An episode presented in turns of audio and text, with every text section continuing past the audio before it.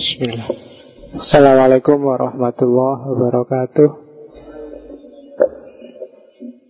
Bismillahirrahmanirrahim. Alhamdulillahi Rabbil Alamin. Wabihi nasta'inu ala umurid dunya waddin Allahumma salli wa sallim wa barik ala habibina wa syafi'ina sayyidina wa maulana Muhammadin wa ala alihi wa ashabihi ajma'in. Amma ba'du. Bismillah. Kita lanjutkan ngaji kita. Pengajian malam ini judulnya tidak akan ketemu di pengajian mana pun Iya, kamu nggak nggak nggak ada pengajian di seluruh dunia. Hadirilah judulnya tidak adanya Tuhan ngono Jadi, ya kebetulan malam ini temanya harus sampai di sini. Seperti saya bilang, sebelum puasa mungkin saya banyak ngomong yang agak menggoncang keimanan malam ini lebih dahsyat. Karena satu-satunya problem yang sampai hari ini belum bisa dijawab oleh agamawan itu problem teodisi. Secara akal loh ya. Jadi kalau ada kebuntuan-kebuntuan akal untuk memahami tentang Tuhan dan ketuhanan, ya kalau bagi kita bukan kok urusan terus jadi ateis, tapi membuktikan bahwa ternyata akal kita memang terbatas. Tidak mudah untuk memahami entitas-entitas eskatologis termasuk tentang Tuhan. Ujungnya ke situ. Jangan ditafsirkan di masjid terus diajak ateis, diajak agnostik, malam ini diajak mengingkari Tuhan. Tidak, arahnya ke sebenarnya menunjukkan bahwa akal kita memang tidak jago untuk memahami dunia ini. Mungkin memang akal kita didesain oleh Allah terutama untuk mengelola alam semesta. Biar makanya ada hadis yang bilang Tidak usah capek-capek deh memahami aku Pahami aja ciptaanku Kan ada yang gitu Itu mungkin sebenarnya satu clue bahwa Nanti daripada kamu tiwas kehabisan energi Tapi tidak ketemu loh Buktinya memang jungkir balik para filosof sejak dulu juga masih buntu juga hingga hari ini. Sampai terus capek kayak kemarin positivisme logik sampai bilang ah itu meaningless. Tidak ada gunanya tiwas bikin capek. Cuma ya kita perlu ngerti. Karena kadang-kadang akal itu usil. Cuatan-cuatan pertanyaan yang tidak terduga itu biasanya tiba-tiba muncul. Itu kalau ndak arif menyikapinya Kadang-kadang juga bahaya. Karena diakui atau tidak akal itu kan berperan untuk mengarahkan jalan hidup kita. Jangan sampai akal itu dimati-matiin atau disingkirin. Eman-eman itu sangat berharga. Kan banyak kan sekarang kelompok yang bilang tidak usah pakai akal. Ya tidak bisa hidup kita kalau nggak pakai akal. Apalagi dalam agama. Oke Bismillah Tema kita malam ini adalah teodisi Kalau dalam tradisi filsafat agama. Atau isunya kadang disebut isu problem of evil Problem kejahatan. Meskipun secara harafiah Bukan artinya teodisi itu problem kejahatan. Justru teodisi itu artinya problem kebenaran Tuhan, keadilan Tuhan. Cuma nanti gesernya ke sana. Ini perdebatan gaya abad tengah.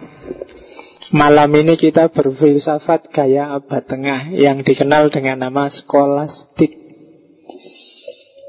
Dari sisi kerumitan berpikir, dari sisi alur berpikir yang mau jelimet-jelimet itu abad tengah jauh lebih complicated dibandingkan orang kontemporer. Postmodern hari ini itu sebenarnya cara mikirnya simple. Kalau kalian masuk ke abad tengah, puh, jelimetnya luar biasa.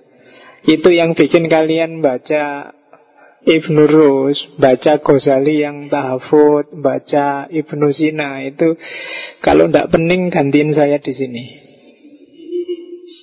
Mesti kamu judek mending langsung baca terjemahannya atau baca tulisannya orang tentang mereka. Meskipun kamu tiap hari bilang yo kita harus baca tahafut lah, eh, wajaran dewe. Kalau nggak kamu pening ya potong kuku saya. Ya wes potong. Ya wes kalau nggak mau potong rambut saya. Oke. Jadi skolastik itu cirinya Pokoknya rasional sak pol-pole. Biasanya gayanya agak polemis Jadi Menggugat, membantah, mengkritik Mempertanyakan itu gayanya skolastik Disebut skolastik sekitar abad 9 sampai 18-an lah skolastik itu. Karena di era itu mulai muncul banyak yang namanya sekolah. Sekolah itu sekolahan. Kalau hari ini terjemahannya. Ya lahirnya dari tradisi Kristen. Jadi kalau ada yang anti Kristen 100% harusnya jangan sekolah. Karena sekolah itu awalnya memang dari orang-orang Kristen. Nah, kalau mau konsisten begitu. Ada yang kayak gitu. Dulu di Mesir ada tokoh namanya Sukri Mustafa yang punya gerakan takfir wal hijrah itu. Bagi dia sekolah itu haram. Bikin capek. Orang Islam sing penting ngerti, ngerti tauhid, ngerti caranya ibadah, selesai. Tidak usah belajar macam-macam ngapain. Nah itu Sukri Mustafa. Imam Mahdi tapi dari kelompok Ikhwanul Muslimin. Dia sendiri ngaku Imam Mahdi. Meskipun akhirnya ditangkap oleh tentara Mesir karena membunuh yang nulis tafsir wal mufassirun itu, Husain al-Zahabi. Pada zaman itu. Itu sampai opo kok tiba-tiba syukur Mustafa ya lali. Kembali ke sini teodisi. Oke, jadi era skolastik Tokoh-tokohnya ya mungkin kalian pernah dengar ada Thomas Aquinas, ada Agustinus, ada Anselmus dan kawan-kawan. Minggu depan kita mungkin juga masih gaya skolastik Kita ngomong Minggu depan saya ingin membuktikan bahwa Semua pembuktian rasional tentang Tuhan Itu cacat logis Tapi minggu depan Apa pun itu Catatan saya ada delapan atau tujuh tipe itu semuanya cacat logis. Ya lagi-lagi bukan menunjukkan bahwa Tuhan itu tidak ada, tapi akal kita memang mungkin terbatas. Ya, itu gunanya sebelum Ramadan biar iya biar kamu nggak main akal-akalan terus ya. Kalau main akal-akalan kamu jadinya males ngaji Terawih itu kan sunnah pak. Ngapain sih capek-capek? Terus mesti ngono Nah, sekarang Tuhannya didekonstruksi biar nggak Tuhan yang itu lagi besok di Ramadan.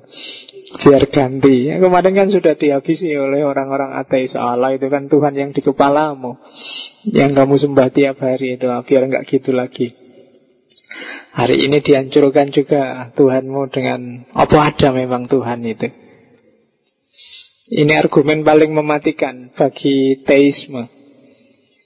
Kalau dalam tradisi filsafat agama Belum ada yang bisa jawab.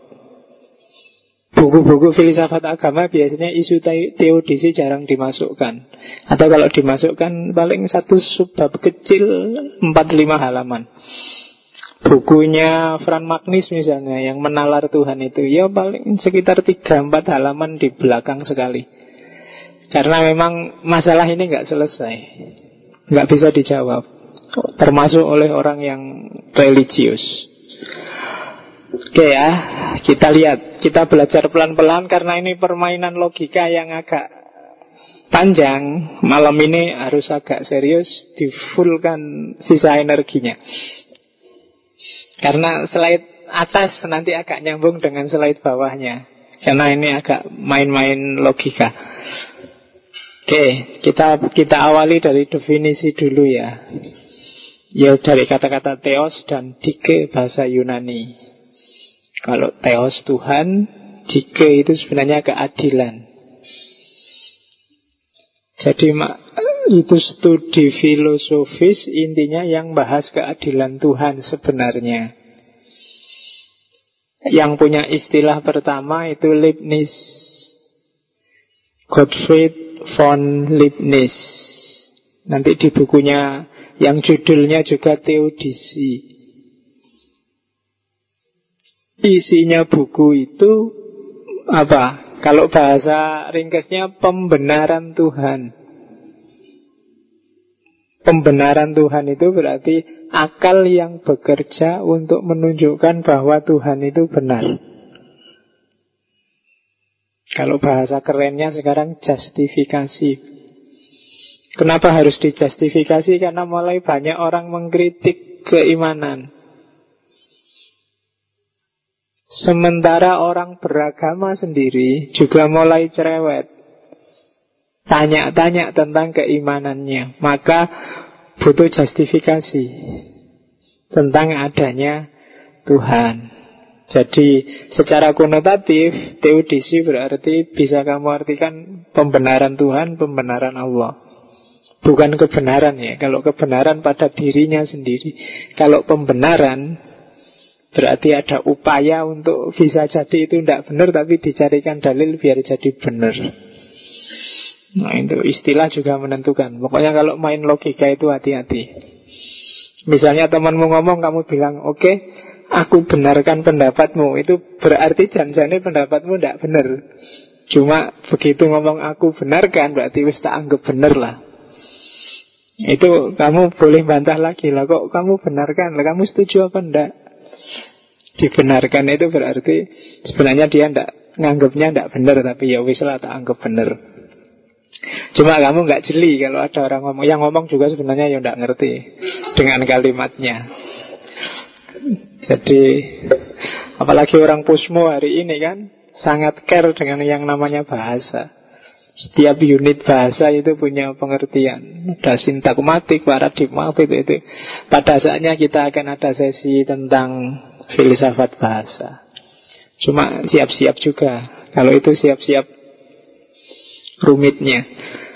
Oke, itu pembenaran. Jadi Leibniz ini filsafat barat eranya Voltaire.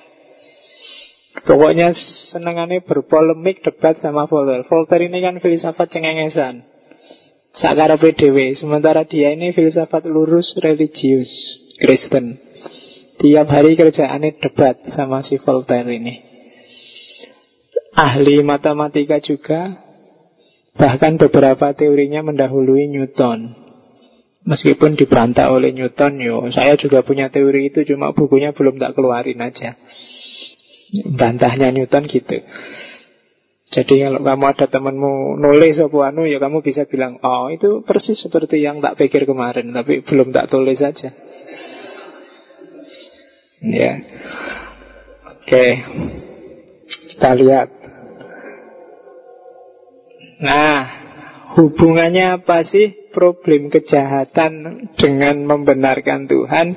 Karena ketika kita ingin membahas Tuhan, ada problem akut, yaitu apa? Problem of evil problem kejahatan, problem bencana, problem kekacauan, problem pokoknya yang jelek-jelek di dunia ini. Bagi kita kan Tuhan itu maha tahu, maha kuasa, maha penyayang.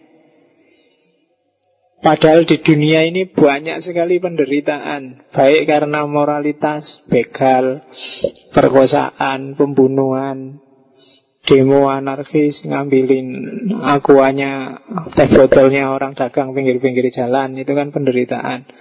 Atau bencana alam di Nepal Rohingya macam-macam banyak. Itu kan penderitaan. Katanya Tuhan itu maha tahu maha kuasa maha penyayang kalau dia maha tahu pasti tahu kalau kita menderita. Kalau dia maha kuasa Pasti bisa mudah sekali menghentikan Biar penderitaan itu Tidak jadi penderitaan. Kalau dia maha penyayang Pasti dia tidak ingin kita menderita. Tapi buktinya Lah kok ada penderitaan itu? Maumu sih nggak sakit Lah kok kamu sakit Apa Tuhan lupa sama kamu Harusnya kan dia sayang sekali sama kamu. Temenmu yang lebih kurang ajar kok selamat sehat-sehat saja. Kamu yang baik kok malah sakit. Kamu yang jujur kok nilaimu malah anjlok. Temenmu yang nyontek tiap hari nggak pernah masuk malah dapat A. Itu kan sakitnya di sini itu. Apa Tuhan tidak ngerti? Apa cuek? Kok tega sekali Tuhan sama dirimu? Katanya dia penyayang. Dan itu kan itu kan kontradiksi sama sifatnya. Apa Tuhan nggak tahu ya? Lo katanya dia maha tahu. Apa Tuhan nggak bisa bikin saya bahagia terus lulus kumlot? Yo terlalu bisa wong dia maha kuasa. Apa Tuhan nggak sayang aku ya? Tidak mungkin dia maha penyayang kok. Tapi buktinya aku kok sakit kayak gini. Itu problem kejahatan, problem teodisi. Apa salahnya orang-orang Nepal itu? Dia orang baik-baik. Tidak terlibat perang, hidupnya di puncak gunung. Tidak ikut ISIS, tidak ikut politik neko-neko. Tiba-tiba kena gempa bumi, gunungnya runtuh, mereka tewas semua. Itu kalau mereka boleh protes, salahku apa? Mbok sana daerah-daerah Suriah apa daerah-daerah Irak sana yang dikasih gempa yang dahsyat kok malah sini tidak terduga-duga. Itu problem penderitaan. Nah itu kalau bagi orang-orang kemarin agnostik ateis itu kesimpulannya simpel. Yo, berarti Tuhan tidak ada. Atau kalau memang Tuhan dianggap masih ada, dia tidak punya sifat-sifat itu. Tapi kalau tidak punya sifat-sifat itu, yo apa ya layak kita sebut Tuhan. Masa Tuhan tidak maha kuasa? Itu jangan-jangan sama aja kayak kita. Masa Tuhan nggak maha tahu? Masa Tuhan nggak maha penyayang? Ya berarti dia bukan Tuhan. Itu kan problem logik yang luar biasa. Itulah nanti yang disebut teodisi. Berhadapan dengan problem of evil. Inspirasinya dari filosof Helenisme yang namanya Epikuros. Katanya Epikuros, ini sebuah kalimat yang sangat terkenal di dunia teodisi. Is God willing to prevent evil but not able? Then he is not omnipotent. Is he able but not willing? Then he is malevolent. Is he both able and willing? Then when come evil? Is he neither able nor willing? Then why call him God?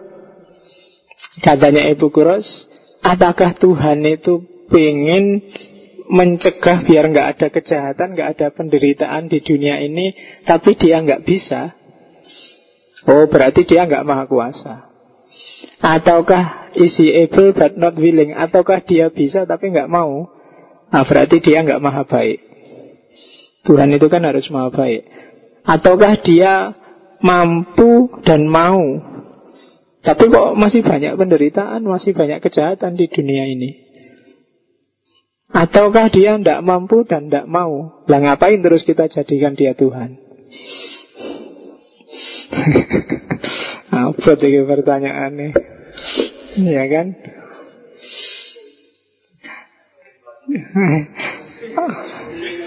Epikuros Jangan salah Epikuros ini salah satu tokoh yang punya madhab etik besar yang banyak diwarisi orang hari ini yang disebut dengan hedonisme. Cuma hedonismenya nggak nggak sematerial hari ini.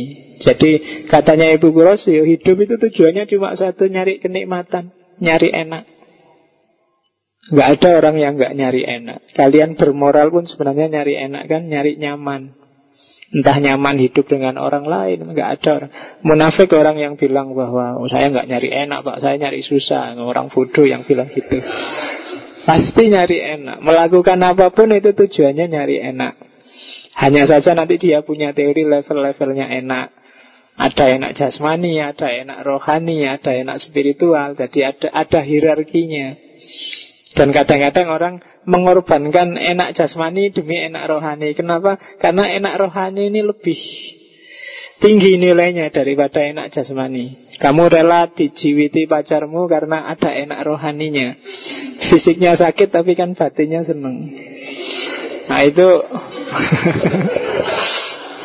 Iyalah, ya enggak apa-apa yang jomblo dibayangkan aja. Ayo piye yo. Ya dikatake nek ora duwe itu itu sejenis penderitaan. ya. Kamu gugatlah Tuhan Ini janjane sampean ada apa Ndak wong nyalain punya pasangan Aku kok dibiarin sendiri Jangan-jangan waktu dulu dipasang pasangan Kamu ketelisut Berarti Tuhan nggak maha tahu berarti. Kalau sudah gitu di dunia ini mumpung sendirian, mbok yo dicariin pasangan. Kalau nggak bisa berarti Tuhan nggak maha kuasa dong. Kalau nggak bisa dua-duanya, lah ngapain tak jadiin Tuhan? Ganti aja yang bisa. Nah, itu protesnya Epikuros. Dan dan ini sebenarnya nanti yang dijadikan inspirasi oleh para filosof abad tengah untuk menggagas teodisinya. Saya mungkin masih belum masuk ke Islam ya. Di Islam juga banyak yang bahas ini. Perdebatan paling dahsyat kan antara Mu'tazilah dan As'ariyah. Ini kan nanti ada hubung kalau kalau As'ariyah jawabannya simpel, suka-suka Tuhan dong. Tuhan kan mau ngapain aja, emangnya kita bisa komplain. Itu kalau As'ariyah. Kalau Mu'tazilah ya jawab Enggak lah, Tuhan itu mesti adil Tenang aja, kelihatannya aja nggak adil Kelihatannya aja agak kejam-kejam dikit Tapi sebenarnya enggak, kita aja yang nggak paham. Tuhan pasti adil dan Tuhan. Nah, Itu jawabannya Mu'tazilah. Agak agak apologis Tapi sebenarnya dua-duanya pengen tauhid. Cuma pada saatnya kalau kita kembali ke timur Ketemu ke Islam Kita akan ketemu dengan teologi filosofis di Islam Philosophy of Kalam. Nanti ada babnya sendiri. Hari ini kita lihat yang umum dulu di barat. Jadi Inspirasinya ini dari Epikuros. Evil kejahatan ada dua jenis. Ini umum di mana-mana disebut ada malum morale dan malum fisikum. Yang satu keburukan moral misalnya Ya keburukan moral itu bisa pada orangnya, bisa pada perbuatannya. Pada orangnya berarti orangnya yang memang mau melakukan perbuatan jahat, ada yang pada perbuatannya. Meskipun orangnya nggak mau kalau melakukan itu jadi jahat. Ya kan? Kadang-kadang perbuatan itu baik tapi di luar konteks, tidak pada tempatnya ya dia jadi jahat itu orangnya. Ngiris misalnya Kamu ngiris buah Itu kebaikan. Aktivitas ngiris itu kan netral. Tapi kalau kamu ngiris telinganya temenmu Itu kejahatan. Itu kan berarti tidak pada perbuatannya Tapi pada orangnya. Orangnya mau melakukan itu. Dan juga tergantung konteksnya. Jadi mukul sama mukul Itu ya bisa konteksnya beda-beda kalau Pac-Man kemarin tinju itu kan mukul, tapi kan nggak ditangkap polisi karena bukan kejahatan. Itu tinju pertunjukan dianggap olahraga. Tapi kalau kamu mukuli temenmu yang nggak ngerti apa-apa tiba-tiba kamu tinjui, lo kamu bisa penganiayaan. Itu orangnya. Tapi ada juga mungkin orangnya nggak mau, tapi perbuatan itu pada dirinya sendiri jahat. Misalnya kejam, males, tidak adil itu kamu tidak bisa alasan. Saya tidak ingin kok pak Tidak males itu pak. Cuma yo berangkat telat. Terus yang aja bodoh wae. Bangun. Telat sholat telat. Pokoknya apa aja telat. Itu namanya males. Kamu mau nggak mau karena kamu melakukan perbuatan itu berarti itu jahat. Kejam misalnya. Orang melakukan perbuatan kejam dia niat apa nggak niat tetap perbuatannya jahat Konteksnya diganti-ganti pun tetap jahat kalau kejam. Tidak adil juga begitu. Dalam konteks apa pun kalau kamu nggak adil ya nggak boleh. Nah itu pada dirinya sendiri jahat. Ada yang seolah-olah jahat tapi konteksnya ganti bisa nggak jahat. Kadang-kadang bohong. Itu kontekstual. Ada di level tertentu harus bohong untuk tidak menyakiti orang lain. Jadi dia tidak jelek dalam dirinya sendiri tapi nunggu. Tapi kalau kejam itu konteksnya diganti-ganti pun tetap kamu jangan kejam. Nah, itu pada perbuatannya, pada orangnya. Ada keburukan fisik, bencana, kerusakan. Kalau ini di luar kontrolnya manusia, meskipun manusia bisa mempengaruhi lahirnya.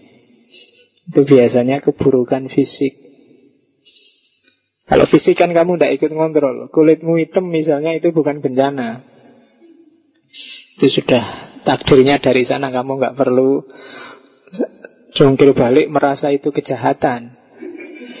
Ya, jadi itu biasa sudah memang kulit hitam. Pak rambutku kok keriting, Pak. Saya pinginnya lurus. Kok bisa gini? Allah ini tega sekali. Nah, enggak harus begitu. Jadi itu tidak dalam kontrolmu maka tidak salah.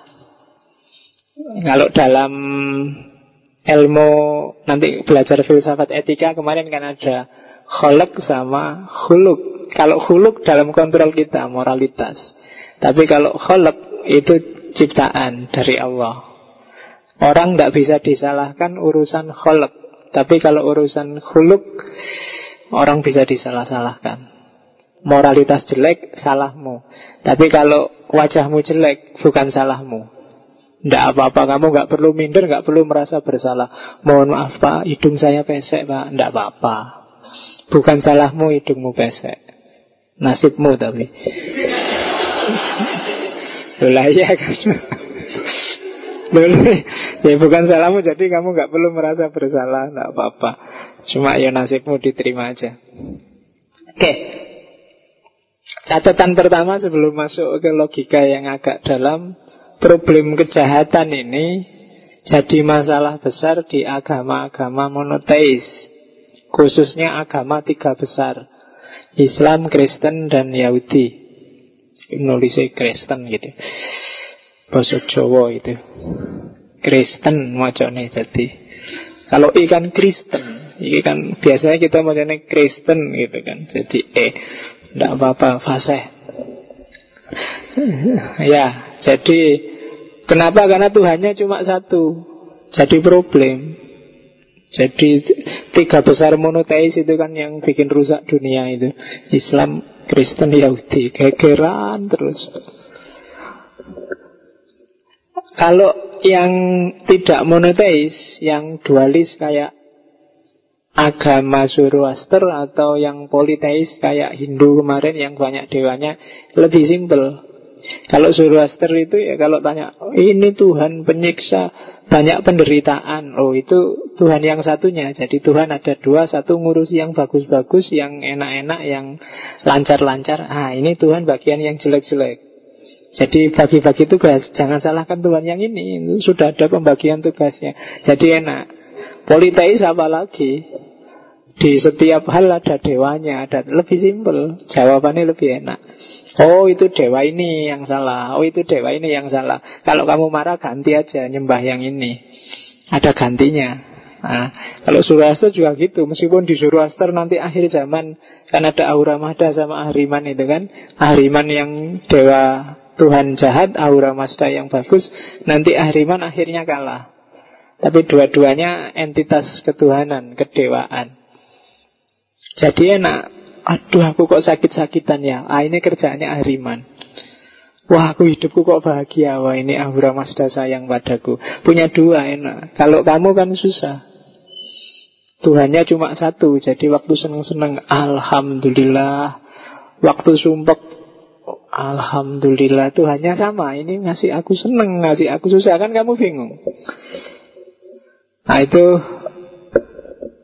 Problemnya monoteis Problem kedua monoteis itu Tuhannya biasanya pencemburu luar biasa. Jadi ya nggak nggak mau dimadu sama sekali. Dosa apa pun boleh kecuali dimadu. Jadi bagi yang tidak mau dimadu Argumennya gampang Saya manut Allah Allah itu nggak mau sama sekali. Kamu boleh dosa kayak apa aja kan masih diampuni Kecuali di madu Di Yahudi, di Kristen juga begitu. Jadi Tuhannya sangat pencemburu. Kurang pluralis sedikit. Iya. Oke, lo itu kritiknya orang Barat itu biasanya. Tuhannya orang monoteis. Dan terbukti kan Akhirnya cara mikirnya Tiga agama ini kan yang paling sering benturan agak susah berpikir cair karena salah menafsirkan itu tadi.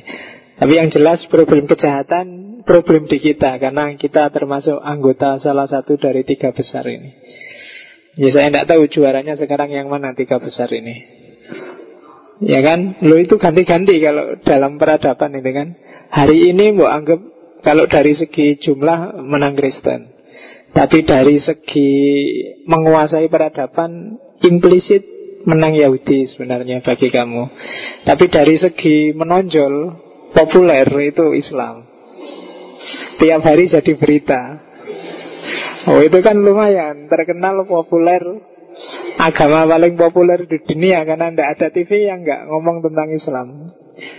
Terpaksa ngomong setiap minggu Entah itu ISIS yang bantai orang Entah itu selalu jadi berita Ah, jadi pertandingan nanti juaranya siapa tidak tahu kita.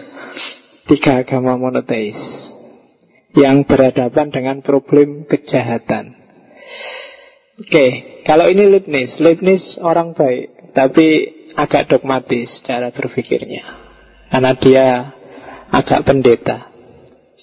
Yang pertama katanya Leibniz, karena dia orang beriman, cara berpikirnya Tuhan itu pasti bijaksana, maha kuasa, dan maha baik. Kenapa kok di dunia ini banyak kerusakan? Banyak orang sakit, banyak orang menderita, banyak orang sumpek. Karena dunia nggak boleh sempurna. Satu-satunya yang boleh sempurna hanya Allah, katanya Leibniz. Kalau hidupmu sempurna, enak, terus nyaman, terus nah itu bukan dunia, sudah ganti alam. Sudah di surga. Ya wajarnya di dunia ini ada yang nggak enak, ada yang sumpek, ada yang kelaparan, ada yang kekenyangan, itulah dunia. Serba tidak sempurna. Meskipun demikian, katanya Leibniz, yo, memang karakternya dunia begitu. Tapi bukan berarti kok Allah jahat terus memang menciptakan dunia yang ada kejahatan. Dunia kayak ginilah dunia yang paling mungkin, yang paling baik. Diubah sedikit, ndak layak lagi. Misalnya di model jahat semua kayak dunianya setan juga ndak layak untuk manusia. Dinaikkan dikit kayak dunianya malaikat juga ndak layak. Ya wis kayak gini ini yang pas. Ada yang baik, ada yang jahat. Itu argumennya Leibniz. Terus katanya Leibniz, jangan khawatir. Meskipun ada kejahatan, meskipun ada penyakit, ada bencana, itu sebenarnya ada alasannya. Kalau dilihat secara utuh nanti ada, ada dasarnya. Allah itu nggak tiba-tiba aja ngasih kayak gitu.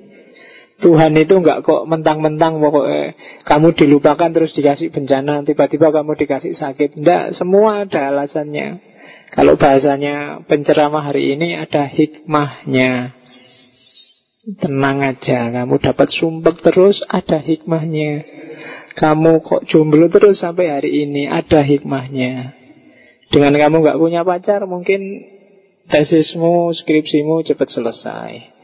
Kok tidak punya pacar tesisnya nggak selesai ya mungkin ibadahmu bisa semakin kusuk semakin panjang. Kok enggak juga ya mungkin hikmahnya ambillah pelajaran besok nasihati anakmu biar nggak kayak kamu. Loh, lah kayak Loh itu kan hikmah juga. Lumayan kan kamu dapat pelajaran Besok nasihatnya Le, sesuk ojo kaya bapak Kan gitu. Itu ilmu juga kan itu.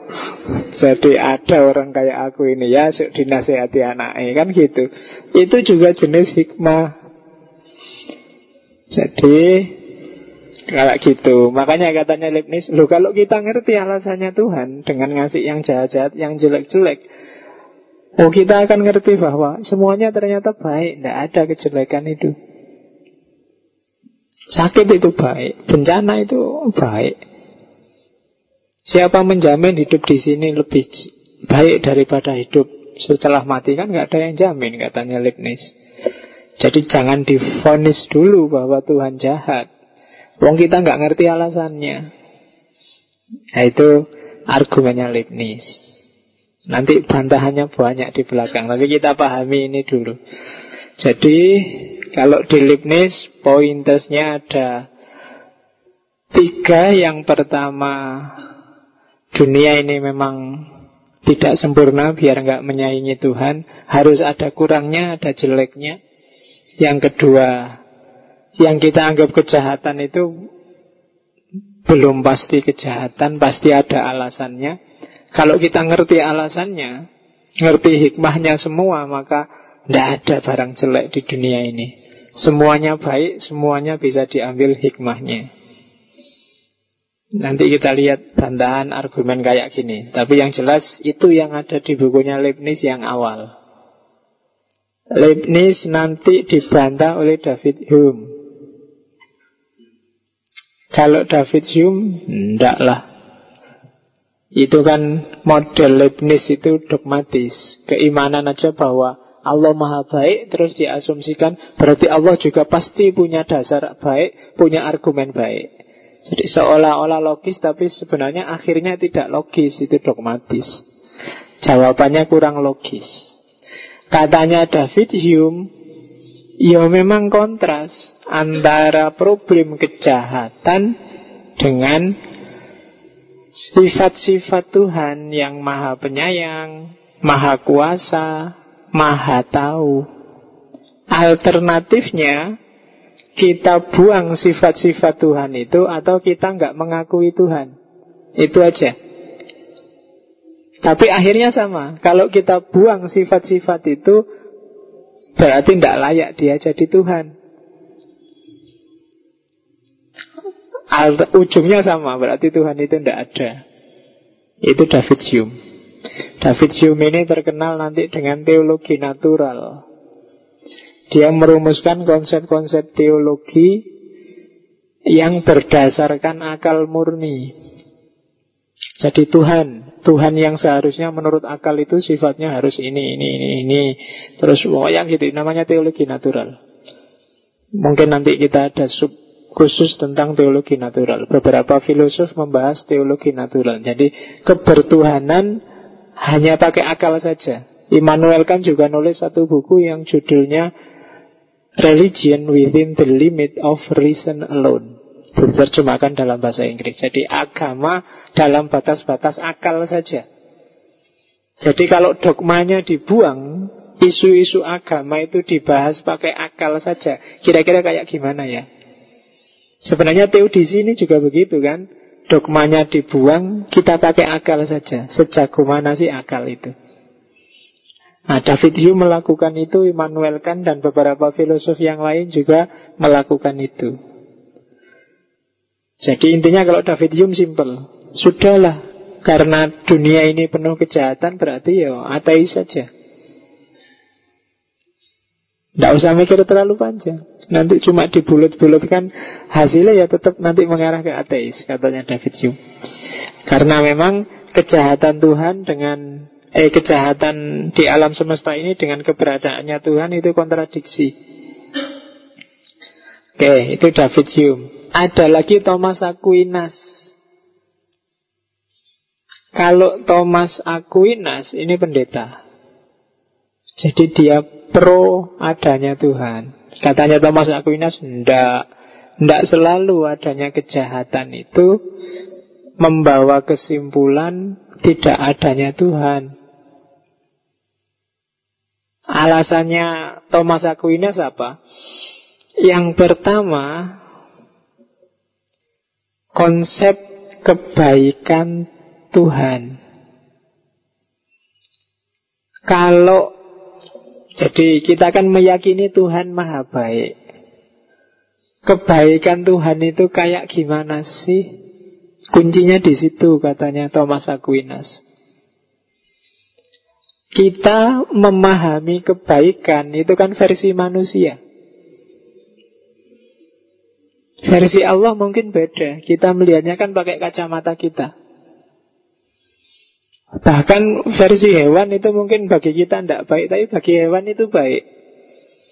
Kemarin saya lihat TV itu ada binatang-binatang yang kalau habis kawin, cowoknya langsung dibunuh. Misalnya belalang. Belalang itu nyari laki-laki, begitu dia dapat laki-laki, kawin, begitu selesai kawin, cowoknya langsung dibunuh. Dan cowoknya sudah siap untuk dibunuh setelah kawin. Loh, itu bagi kita kan, wah kejahatan itu. Tapi versinya belalang ya kayak gitu itu yang natural, yang sunatullah, yang baik. Jadi habis gitu-gitu terus dibunuh. Ya kan, bagi kita misalnya binatang bebek misalnya ganti-ganti pasangan sak kapoke kan jelek. Apa itu? Tidak setia pada pasangannya misalnya. Kamu marah-marah sama bebek. Lo itu kan pakai logikamu. Sesuai dengan logikanya bebek Itu sah dia gonta-ganti pasangan jadi kalau ada orang marah-marah sama seks bebas, nah, jawaban simpelnya lu itu pakai logika manusia. Kalau pakai logika bebek, ndak apa-apa. ya kan? Ini versi bebek loh ini. Ah, Katanya Thomas Aquinas, itu yang terjadi dengan teodisi. Kita memahaminya versi manusia. Kebaikan versi Tuhan tidak harus sama dengan kebaikan versi manusia. Jadi bagus, baik, indah versi kita itu mungkin tidak selalu sejalan dengan bagus, baik, indah versinya Tuhan.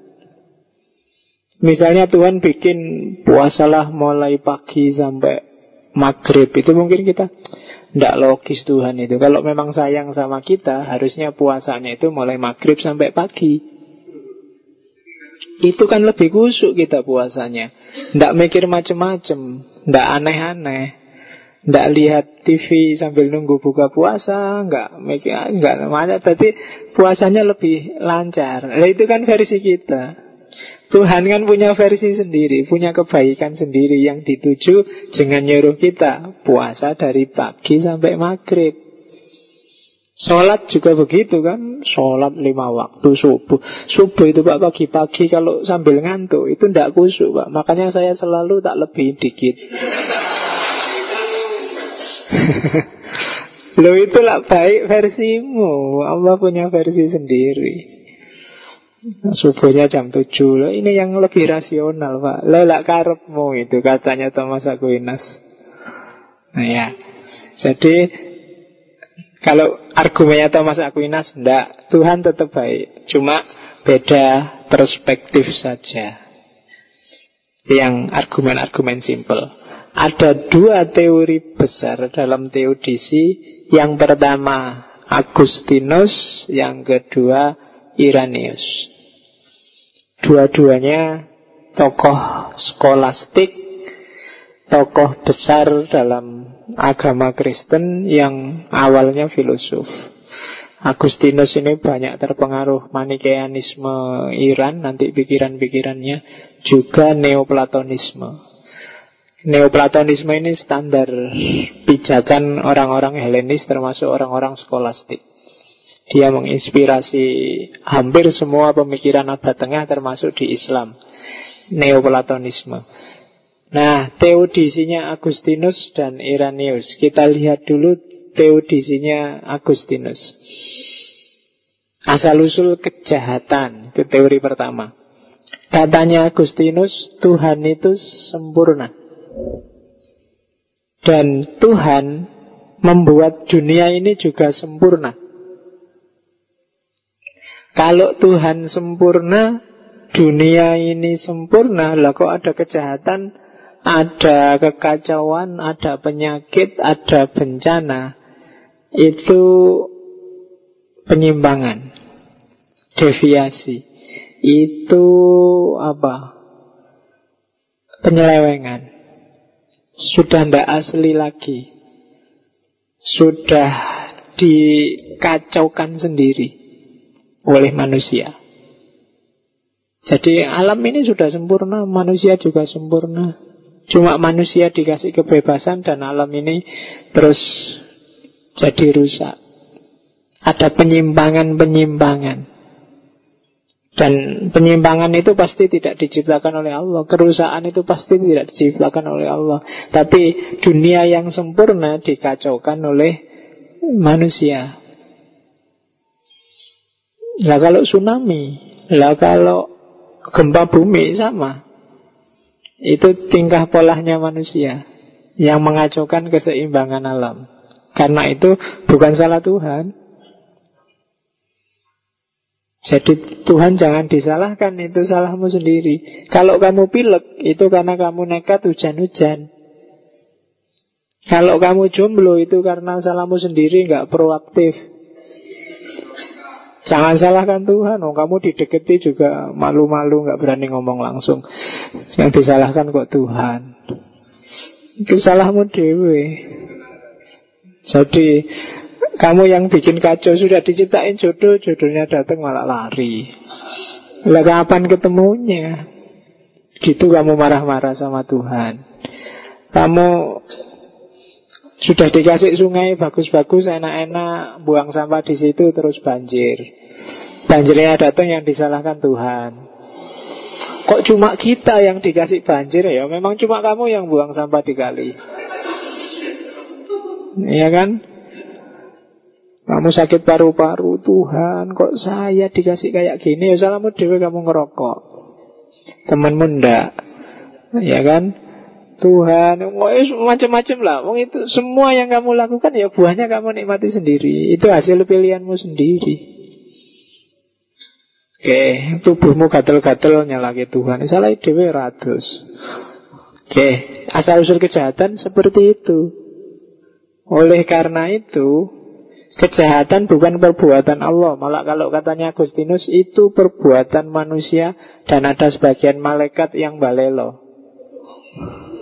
nah, Ada kan? Kalau Kristen juga percaya ada malaikat balelo Di Islam kan ada Cerita malaikat balelo Malaikat yang namanya Harut Sama Marut.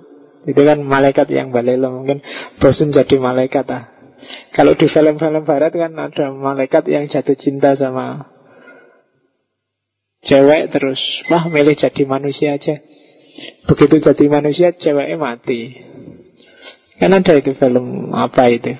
Nah, itu kejahatan yang mungkin melakukan kejahatan jadi bukan Allah.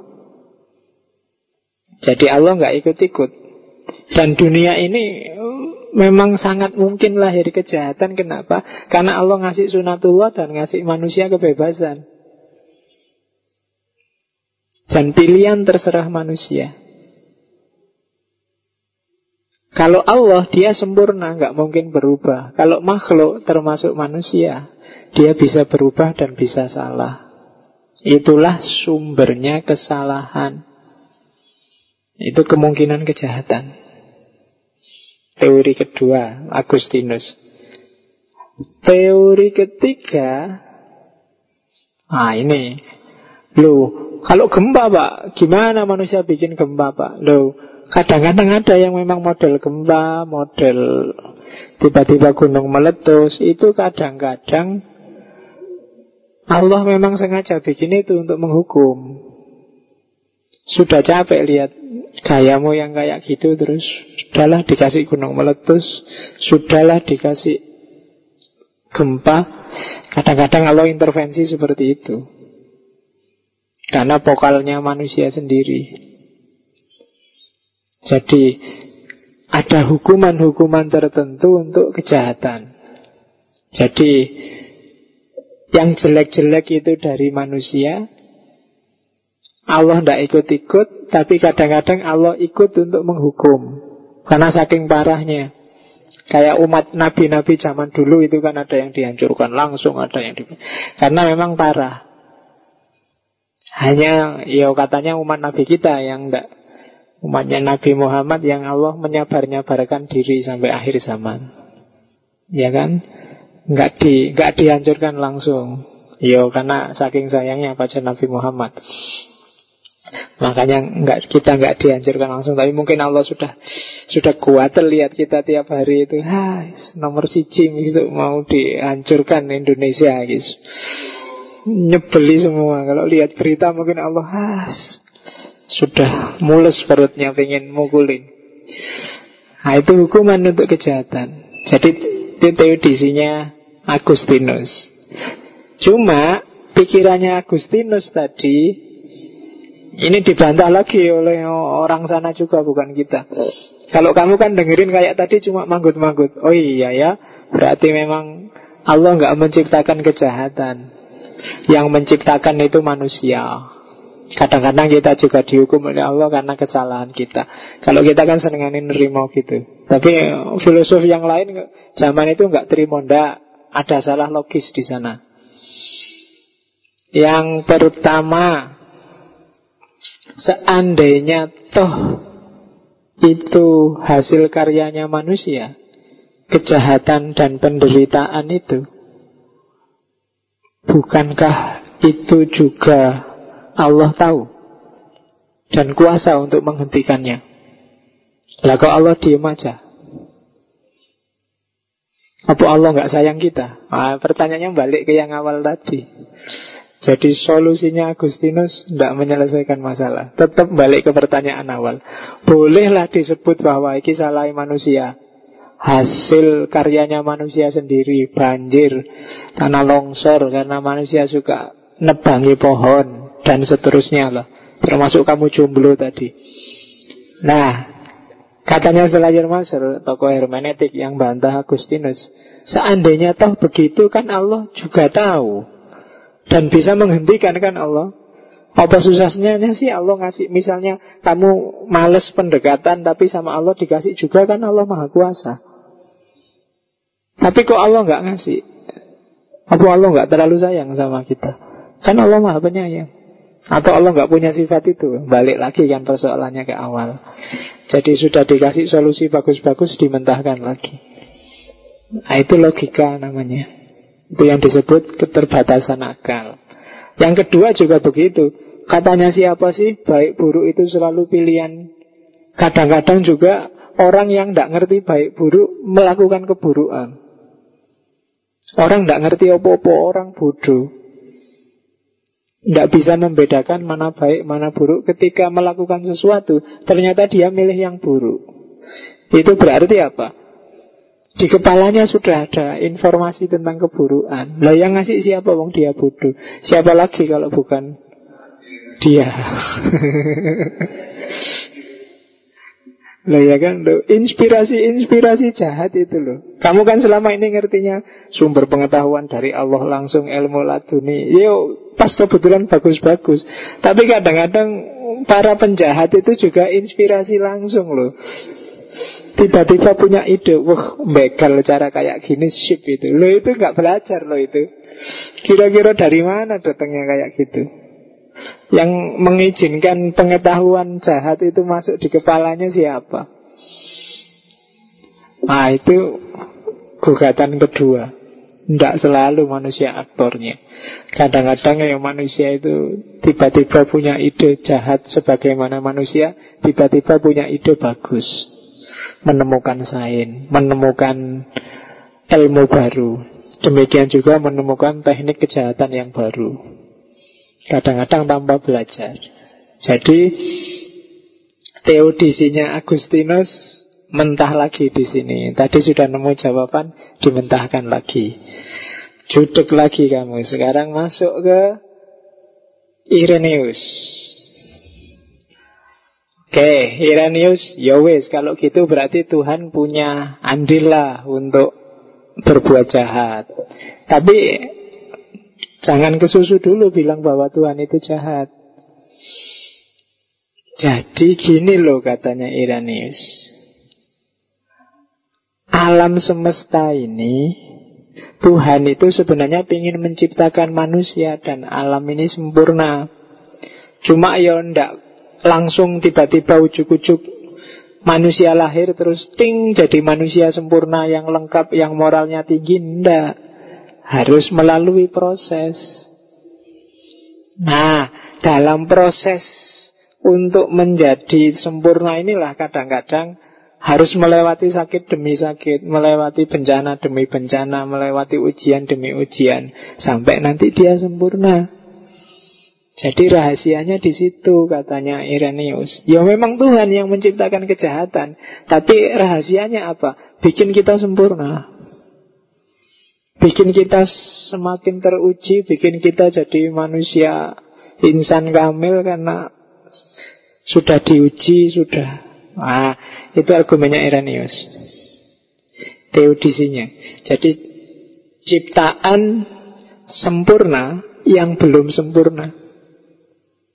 Kayak kamu ini loh kan Sebenarnya kamu manusia yang sempurna Sudah dewasa Cuma kan belum jadi sempurna Perlu melalui beberapa aspek kehidupan lagi Kalau orang Jawa sampai dadi wong Bagi orang Jawa kamu belum dadi wong belum punya keluarga, belum punya penghasilan mapan, belum belum dadi wong.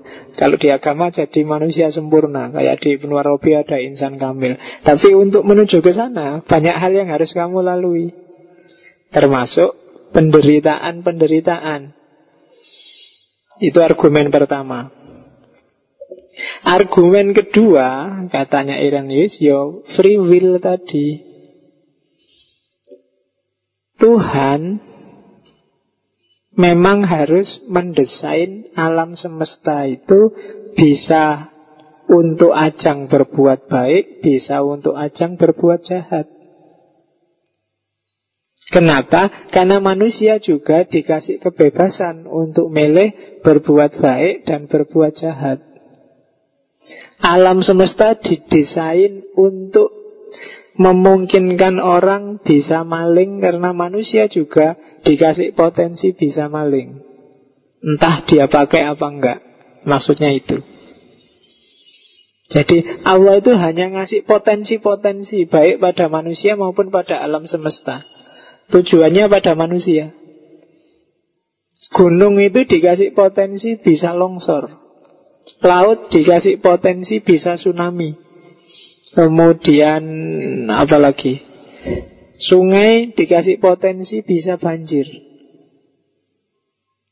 Dan manusia dikasih potensi bisa baik, bisa jahat tergantung mana yang dia pilih.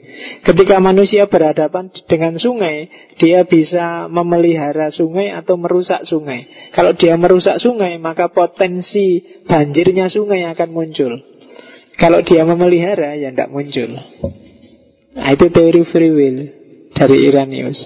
Jadi kejahatan itu sifatnya potensial. Bukan kok Tuhan yang bikin kejahatan Manusialah yang mengaktualkan kejahatan itu Dari cuma potensi terus jadi beneran Kayak kamu dikasih punya potensi bisa sakit flu Karena manusia punya bakat untuk flu Tapi yang mengaktualkan kamu flu beneran ya dirimu Gaya hidupmu, cara makanmu Nah itu argumen free will. Jadi kuncinya ada pada manusia. Nah sekarang ayo dibantah lagi. Jadi jawaban api-api itu dibantah lagi kalau sama filosof. Terus kalau pakai jawaban itu Iranius katanya beberapa filosof setelah dia Yang pertama Perilaku moral itu jadi nggak ada gunanya. Kalau kamu, kalau manusia bisa pakai alasan proses, Pak, proses, Pak. Saya sekarang masih nyontek, tapi besok kalau sudah sempurna ilmuku, aku tidak butuh nyontek deh, Pak. Oh iya, memang Allah menciptakan kita tidak sempurna. Nah, kamu bisa kan alasan kayak gitu. Kayak kamu salah terus dari lewat. Manusia itu kan tempatnya salah dan dosa pak. Jadi tidak apa-apa. Pada akhirnya kita bisa bertobat. Perilaku moral jadi nggak ada gunanya. Orang bisa alasan ongoing proses. Melakukan kesalahan apa pun Ya berproses. Maklum masih muda Ya berproses dimaklumi aja lah Orang tua itu Lu kapan terus dihukumi? Yang tua minta dimaklumi, yang muda minta dimaklumi, apalagi yang anak-anak. Ya kan? Perilaku moral jadi nggak ada gunanya. Orang minta dimaklumi terus dengan alasan proses. Terus kalau memang begitu proses menuju sempurna Berarti orang tidak bisa dihukum. Wong itu proses Allah juga nggak bisa disalahkan Kalau orang berbuat jahat. Wong itu skenario nya Allah semua. Kalau memang duduk persoalannya kayak gitu Apa gunanya surga, neraka, pahala, siksa? Dalam agama Ini kan orang yang percaya sama Allah kan tadi yang bantah Yang percaya sama Tuhan kalau memang semua skenario Allah untuk menuju kesempurnaan, berarti ya tidak usah surga neraka. Orang bisa komplain. Itu kan yang dibantah oleh Imam As'ari pada gurunya yang Mu'tazilah, Abu Ali Al-Jubai. Waktu dia pindah, Imam As'ari yang tokohnya As'ariyah kan awalnya seorang Mu'tazilah 40 tahun. Tapi terus tobat mendirikan As'ariyah. Ketika Mu'tazilah mulai kalah. Mulai susut. Itu kan yang diperdebatkan Ketika dia tanya tentang anak kecil Pada gurunya. Kalau di Mu'tazilah ya Yang salah ya salah. Yang benar ya benar. Kalau antara salah dan benar Ya besok antara surga dan neraka Itu Mu'tazilah Manzilah bainal manzilatain Orang fasik, mukmin yang fasik itu manzilah bainal manzilatain. Tidak masuk surga, tidak masuk neraka, pokoknya di antara dua. Ya mungkin nongkrong ngobrol bareng-bareng di depan surga sambil ngelirik-ngelirik neraka dikit itu. Itu kan manjilah final manjilah Tidak ada di sana juga tidak ada di sini. Ya besok kita ngumpul Kita kan termasuk mukmin yang dosanya banyak. Ya besok kita ngumpul bareng-bareng di depan surga Ngerokok-ngerokok, ngopi-ngopi Sambil wah Iya, kita ngaji di sana.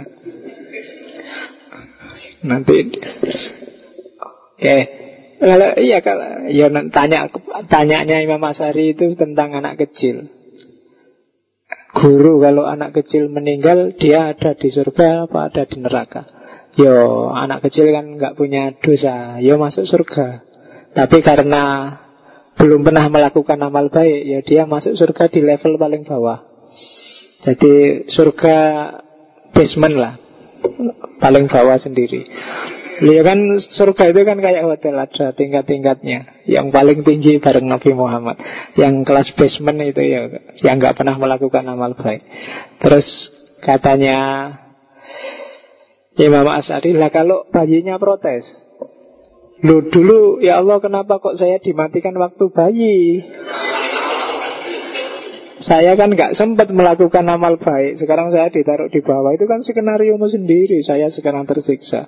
Tanyanya Imam As'ari Itu kalau bayi. Lah kalau misalnya ada penjahat terus komplain juga gimana guru? Misalnya penjahatnya Wok ngerti saya jadi penjahat Wok saya dimatikan aja waktu bayi. Mending lah masuk neraka Masuk surga meskipun basement Daripada sekarang masuk neraka. Nah, Terus gurunya nggak bisa jawab Terus dia pulang mikir Lama-lama keluar terus lahirlah As'ariyah nah, Itu problem ini sebenarnya. Apa gunanya surga, apa gunanya neraka? Terus Pikirannya Iranius ini pada akhirnya juga menunjukkan ya tetap aja kejahatan itu berarti karepnya Tuhan juga, Tuhan tahu, Tuhan ngerti, tidak menyelesaikan masalah problem lama masih tetap ada. Itu problem teodisinya Iranius. Ada pikiran baru John Hick dan kawan-kawan termasuk Whitehead. Ada namanya teologi proses. Teologi proses itu nanti yang cara berpikirnya kayak orang deisme. Jadi alam semesta ini ketika Allah menciptakan ada hukum alamnya sudah, ada sunnatullahnya. Ketika sudah ada sunnatullah, Allah sendiri terikat oleh hukum ini wong ciptaannya sendiri. Kenapa? Karena Allah tidak mungkin curang. Tidak mungkin mengkhianati hukumnya sendiri Masuk Allah berkhianat Jadi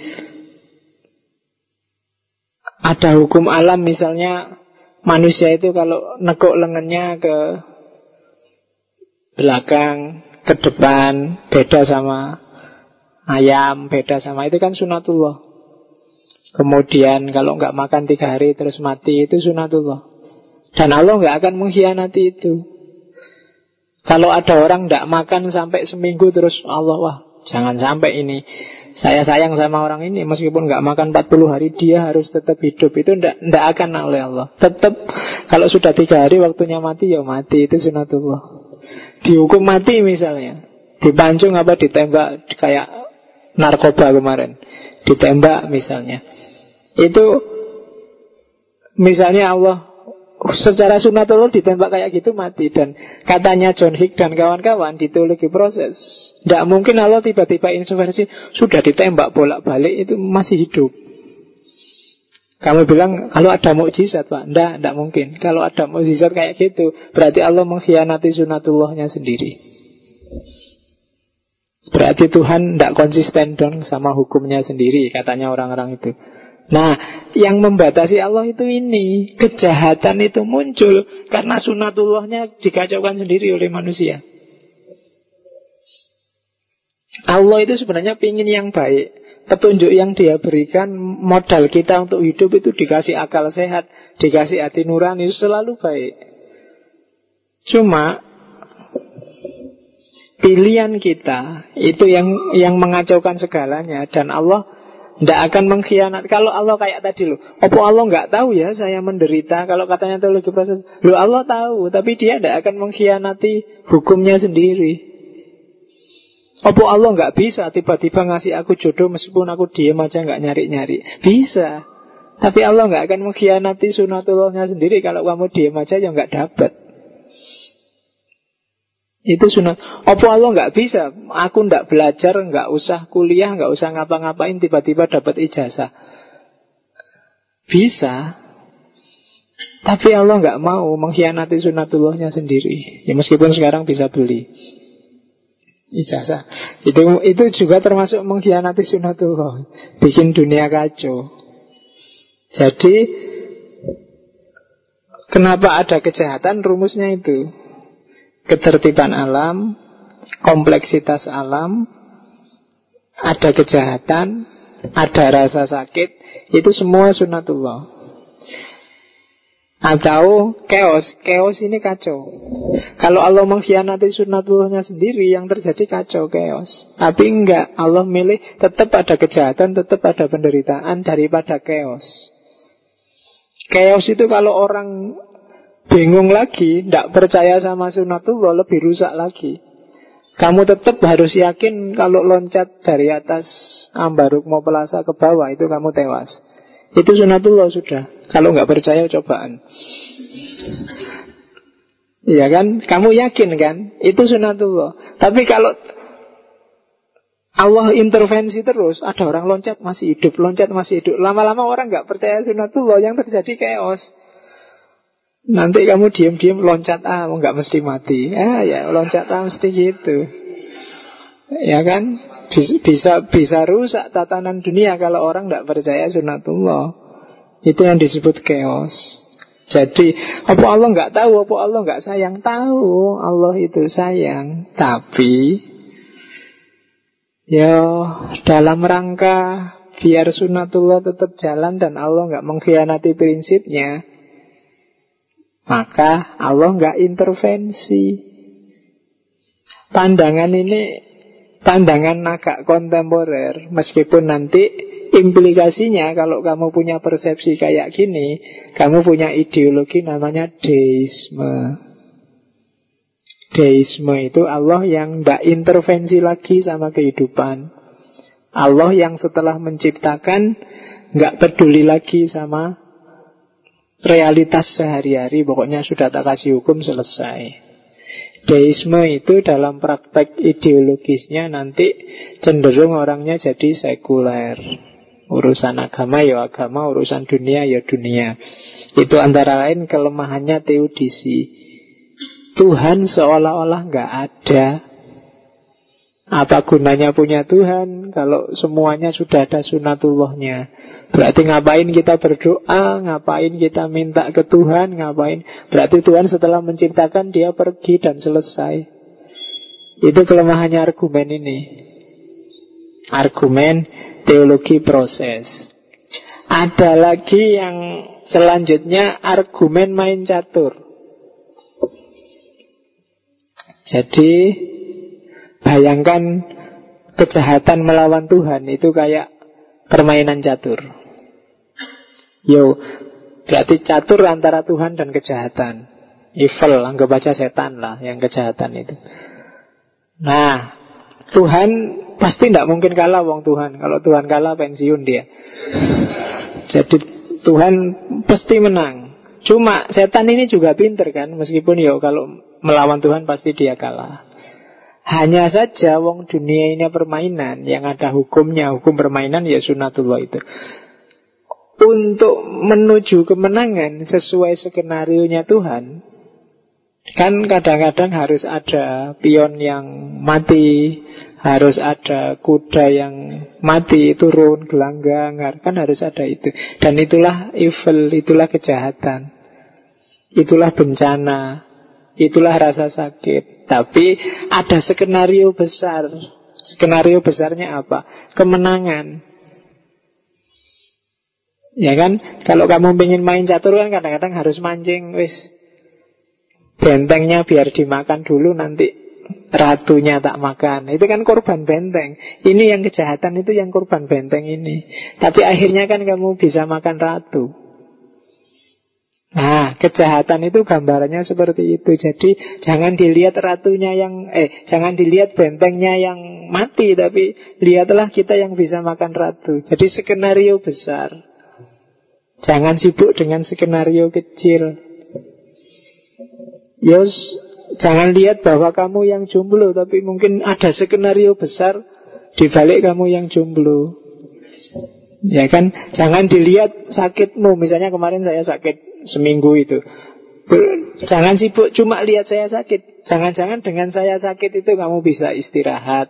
Saya juga bisa istirahat. Pikirannya jadi lebih seger. Ya. Masuk ngaji lagi lebih nyaman lagi kan ada skenario besar. Mungkin lebih besar lagi dari itu dan kita nggak sadar. Nah itulah analogi catur. Jadi jangan ditangisi satu dua peristiwa yang jelek. Kadang-kadang kayak tadi, hikmahnya besar, ada rahasia yang lebih besar. Meskipun di teori itu ada kelanjutannya yo kalau sudah kayak gitu kita milih mana sekarang? Diem aja lihat Tuhan tarung sama kejahatan. Kita nonton aja Sampai nanti menang Yang menang siapa Atau bantu setan Atau bantu Tuhan. Itu Alternatif hidup itu kan itu. Kalau bantu Tuhan ya berarti kita beragama Percaya sama Allah. Kalau bantu setan ya berarti kita ikut andil dalam kejahatan. Kalau diam aja ya kita jadi penonton, ngaji aja. Tidak ikut-ikutan. Ya. Oke, itu analogi catur. Oke, sekarang kita lihat. Ini tipe jawaban yang sering diper, dipakai orang untuk jawab kalau ada kasus bencana, kalau ada kasus penderitaan, kalau ada kasus kesulitan secara umum. Itu tak sebenarnya teodisi itu banyak dari para filosof cuma kalau tak sampaikan semua kamu judek. Tak ringkes saja. Jadi jadi beberapa. Yang pertama hukuman pada orang-orang yang berdosa Makanya kadang-kadang kalau dapat susah itu kan kamu meratapnya Gusti Allah dosa kula napa. Itu berarti kamu punya pandangan bahwa penderitaan itu karena dosamu. Makanya kalau dapat susah apa pun kamu kan mungkin yang terucap pertama istighfar astagfirullah. Salah apa tadi ya? Itu sebenarnya kamu punya persepsi pertama. Jadi menganggap segalanya dosa. Itu bikin bingung dulu para ulama ketika Baghdad itu jatuh. Itu persis bingungnya kayak gini. Dosa apa ya wong Islam itu? Baghdad itu kan jatuh Kalah sama orang-orang Mongol. Orang Mongol itu nggak cuma kafir nggak punya Tuhan. Zaman itu Genghis Khan dan anak turunnya itu kan nggak nggak peduli sama ada Tuhan apa enggak. Sementara Baghdad zaman itu itu city of God, kotanya Tuhan, isinya para alim ulama, para habaib, masyayikh, orang-orang besar ada di sana semua. Diserbu orang-orang liar, orang desa, orang tidak kenal Tuhan, pokoknya kafir pol itu loh. Kalah. Itu kan bingung para kiai, para ulama itu jusopo ya orang Islam itu. Sama orang kafir kayak gini masih barbar bisa kalah. Dibantai habis-habisan banjir darah di Baghdad. Perpustakaan-perpustakaan dibakar. Ini hukuman mesti dari Allah. Yang mikirnya zaman itu gitu. Atau termasuk urusan masjid roboh dan gereja roboh. Ada buku bagus isinya debat antara Voltaire, saya lupa dengan filosof siapa ya, yang isinya menertawakan ini. Jadi kalau dulu di Aceh kan masjid-masjid tidak rubuh, tapi ada di Portugal itu tsunami dan gempa bumi itu gereja-gereja rubuh semua. Yang tidak rubuh satu-satunya adalah kastil rumahnya gubernur yang korup, yang jahat luar biasa. Hmm, ya, yang paling tinggi lo itu kan diketawain habis-habisan sama Voltaire. Habis orang-orang agamawan kan senengannya gitu. Katanya Voltaire lo kalau kayak gitu harap ngomong ngomong orang agamawan. Jadi bukan gerejanya yang selamat malah rumah koruptor, rumah penjahat, gubernur paling dibenci rakyat itu satu-satunya yang berdiri. Nah, itu kan mungkin kan jawabnya ini hukuman bagi orang berdosa itu. Yang kedua, ini sering kita pakai ujian. Kalau ada orang baik kok hidupnya sumpek, kan kamu menghiburnya. Tenang aja, ini ujian dari Allah. Yang sabar aja, tidak akan diuji kalau orang yang tidak akan naik kelas. Kan mesti gitu kamu. Tenang aja, kalau sudah diuji kelas kita akan naik. Kelas yang mana sudah diuji nggak naik-naik kelasnya. Terus ada juga yang bilang semacam ujian tapi kita akan dimurnikan. Ada penyucian. Jadi penderitaan akan menyucikan kita, memurnikan jiwa kita. Ada yang kayak gitu. Ceramah. Kita lihat di mana kelemahannya argumen-argumen ini. Ini kan pakai akalmu semua kan yang ini. Yang pertama, kalau itu hukuman, Gimana kalau ada anak kecil tidak ngerti apa-apa terus dapat musibah, kena kanker lah, diterlantarkan orang tuanya lah. Di banyak kan anak kecil dapat musibah. Lo dia dosa apa? Anak kecil nggak punya dosa lo. Kalau kamu pakai argumen bahwa penderitaan itu adalah hukuman atau orang baik-baik yang menderita terus saya itu jujur terus. IP bagus terus. Semua dosen seneng, orang tua seneng. Teman-teman semua seneng. Kok aku menderita terus ya? Ya kan? Uang selalu tipis. Pacar ndak punya. Terus hidupku kok merana gini? Ya Allah Aku perasaan ndak Orang baik dia dapat susah. Lalu apanya yang dihukum?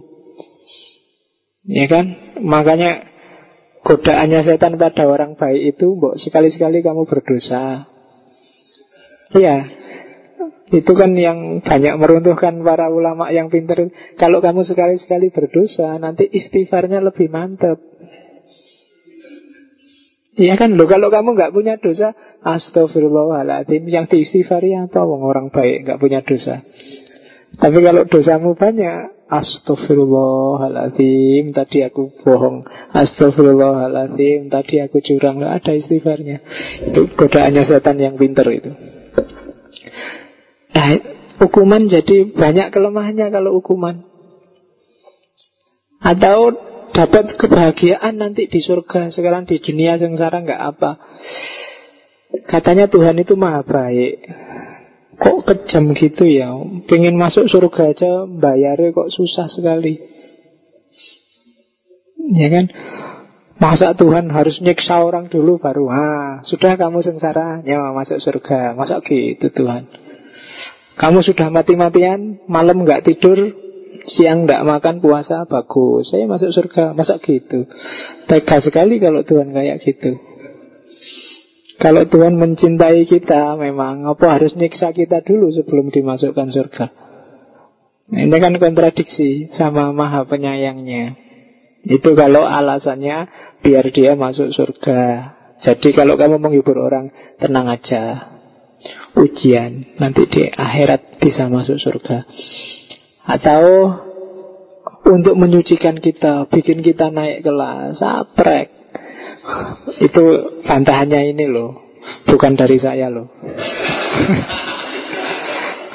Lu banyak orang yang kena penderitaan terus remuk, putus asa. Ada yang sampai murtad. Mau naik kelas di mana? Putus asa pak, jalannya buntu semua. Enggak naik-naik kelas tetap enggak duit duit tetap jomblo tetap gak lulus lulus kuliah tetap anu bisa jadi putus asa Pokoknya habis-habisan nggak dapat apa-apa. Ya Penyucian yang mana lagi Pak? Ini sudah tak tunggu-tunggu nggak selesai-selesai. Katanya orang sabar itu nanti mulia. Sampai umur 40 nggak mulia-mulia saya Pak. Nunggu kapan lagi? Ada kan yang gitu? Boleh. Jadi tidak selalu argumen Satu, dua, tiga. Secara rasional loh ini Ada bantahannya Susah lagi kamu. Abot Gimana cara jawabnya ya? Terus Tipe kedua. Kayak tadi Ada skenario besar. Jadi yang pertama tadi Jangan dilihat parsial dong Lihat secara utuh. Jangan cuma lihat penderitaanmu Lihat hikmahnya yang besar kayak tadi. Atau yang kedua Ya mirip sih, cuma coba kamu hitung berapa nikmatnya Allah dibandingkan sengsaramu. Ada kan yang gitu? Lebih banyak nikmat Allah, lebih banyak yang tidak bencana, lebih banyak yang tidak menderita dibandingkan orang menderita. Sering orang ceramah kayak gitu. Sama kayak argumen ketiga. Coba lihat, meskipun ada bencana, secara umum alam semesta ini harmonis, tertib, teratur. Ya kan? Terus ada lagi yang terakhir. Ya ini untuk menguji kayak tadi. Dunia yang ada penderitaan ini justru dunia yang lebih baik bagi manusia. Dari situ orang ngerti mana orang sabar, mana orang tidak sabar. Mana yang patuh, mana yang tidak patuh. Mana yang ngambil pelajaran, mana yang enggak. Berarti kita dengarkan argumen ini tiap hari dari para penceramah. Yang nyuruh kita sabar waktu kita dapat bencana karena penceramahnya nggak ngalami bencana. Kalau dia sendiri ngalami bencana nggak bisa ceramah mesti. Nah, ini argumen skenario besar. Jawabannya sama kayak tadi. Kalau itu skenario besar, apa yo trimo orang yang dapat jatah untuk menderita. Berarti harus ada yang jadi korban dulu. Jadi misalnya ini skenario Sudah ya kamu jatahnya jadi yang susah-susah Dia jatahnya jadi yang enak-enak. Lah kok tega Tuhan? Saya kok castingnya bagian yang jelek ya. Bu aku sekali-sekali ya kan? Ada orang ngomong Kemiskinan dan kekayaan itu ujian. Ah, Saya milih diuji kaya aja deh Jangan diuji miskin Kamu mesti milih gitu kan? Kalau memang argumennya skenario besar, Mbok dalam skenario itu saya bagiannya yang enak-enak. Kok Tuhan Tuhan tega sekali ya Aku jatahi kok skenario Peranku kok jelek terus Jadi orang miskin, jadi figuran Ditendangi, dibanting-banting. Sementara yang lain dapat peran enak terus. Ah, kelemahannya di situ Dan apa ya adil Tuhan itu Seolah-olah penderitaan sebagian kecil orang sebagai tebusan bagi kebahagiaan semua orang. Kalau kayak gitu jawabannya kayak tadi Apa Tuhan itu ndak ndak penyayang? Apa harus ada ada skenario kayak gitu? Tipe jawaban kedua. Ternyata juga skenario besar ada kelemahannya. Terus Tipe jawaban ketiga yang paling sering kita dengar Melama-lama diskusi kok bikin telinga merah Adalah jangan cerewet. Kita itu ndak level kok mau bantah Tuhan. Ya kan? Berhadapan dengan Allah manusia itu nggak imbang. Beda levelnya. Kita akan ndak akan bisa paham Ndak akan bisa ngerti Apa maunya Allah. Sudah diem aja jangan protes Nah, cuma dibantah lagi.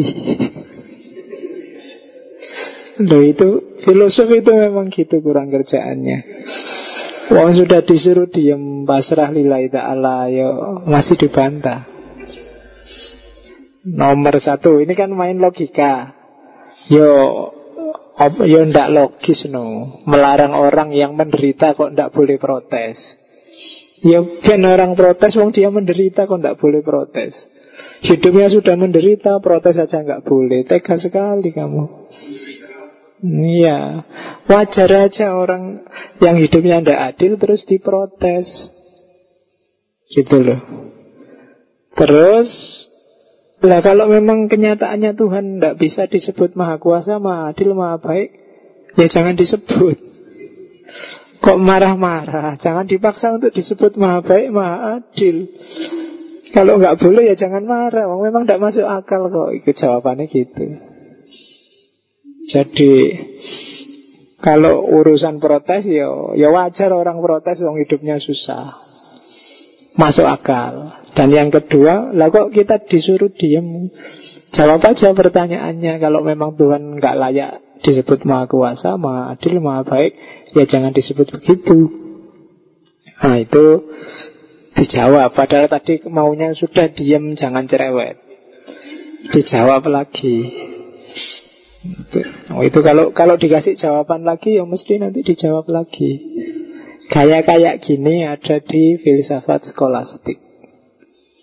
Coba kalian baca Ghazali, kalian baca Ibnu Rus, kalian baca Farabi, Ibnu Sina, mesti kayaknya polemis.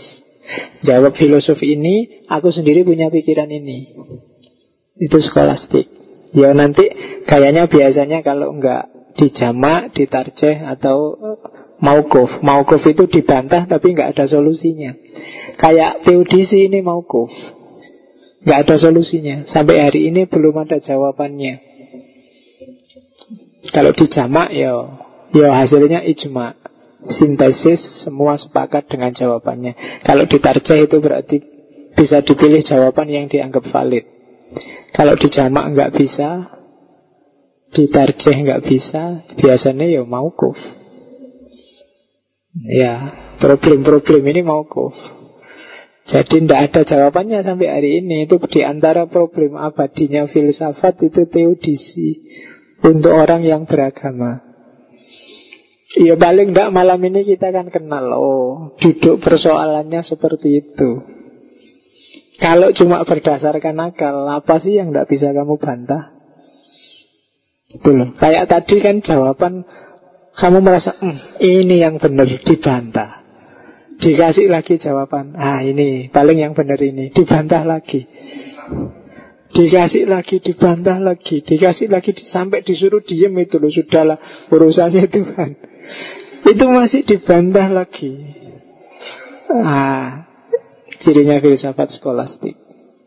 Itu yang sehingga saking putus asanya orang-orang positivisme logik Diskusi metafisik itu memang meaningless Bikin capek, nggak ada gunanya Tapi ya kamu harus ngerti Jangan dijadiin alasan karena kamu nggak ngerti terus bilang nggak usah lah itu meaningless. Padahal kamu nggak ngerti. Ngerti dulu, iya ngerti dulu baru bilang meaningless. Kamu kan sering gitu, nggak ngerti dulu baru kebiasaannya orang Indonesia. Nggak ngerti dulu terus nggak suka. Oke, saya kira itu dulu. Jangan panjang-panjang. Sebenarnya masih ada beberapa filosof yang tak potong di sini. Selain tipe argumennya sama juga cara menjelaskannya agak jelimet. Makanya tak tak klaster-klaster jadi tiga. Kalau ini jawaban dari rohaniwan, agamawan. Kalau ini sebenarnya sama kayak tadi. Kayak Irenius jawabannya. Ada skenario besar. Kalau yang ini dari agama. Kalau kita kan sering bilang bahwa bencana itu ada kalanya musibah, ujian dari Tuhan, ada kalanya hukuman. Nah, dua-duanya ternyata tidak kalau di sini. Kalau itu dianggap ujian juga banyak orang yang setelah musibah hidupnya sengsara, tidak ada akhirnya. Ujian itu kan harusnya naik kelas, tapi juga tidak jelas kelas apa yang harus dinaiki. Dia harus jadi apa setelah naik kelas. Cuma kan itu untuk hibur kita seolah-olah ya bener kayak gitu. Tapi kalau dipikir ya kamu bingung dewe. Misalnya Tenang aja kamu dapat E, tidak apa-apa itu ujian. Sebentar lagi kamu naik kelas. Naik kelas apa? Kamu dapat E kok. Malah turun kelas. Cuma kan orang hibur bisa. Atau ada kalanya hukuman. Itu kalau hukuman kan kamu tanya, dosaku apa? Lah orang itu dosanya lebih besar kok. Hukumannya cuma segitu. Aku yang dosaku ndak anu hukumannya besar. Itu kalau alasan hukuman. Orang Nepal itu nggak ngerti dosanya apa tiba-tiba kebruan bumi, kebruan gunung. Mereka dosanya apa kok tidak di Indonesia aja? Jangan sampai yo orang tuh nggak loh ini. Misalnya dari sisi curang dan kurang ajar kan Indonesia lebih daripada orang Nepal. Tapi semoga Tuhan masih sayang kita. Kalau ada, kalau katanya teodisi ini. Loh ya kan, kesimpulannya teodisi kan ini makanya disebut argumen tidak adanya Tuhan. Ternyata tidak terjawab. Atau kamu coba dirumuskan jawaban sendiri nanti di rumah. Sopo ngerti kamu bisa menjawab ini. Minggu depan kita ngomong argumen adanya Tuhan. Yang semuanya juga kayak gini nanti terbantah secara logis. Termasuk argumenmu apa lah lihat alam semesta lihatlah membuktikan adanya Tuhan itu di counter semua kalau pakai akal. Itu dasarnya Allah bikin akal kita. Bahkan bantah yang bikin sendiri itu pinter. Oke, saya kira itu saya tidak tahu setelah minggu depan masih bisa apa enggak Ramadan itu tanggal berapa?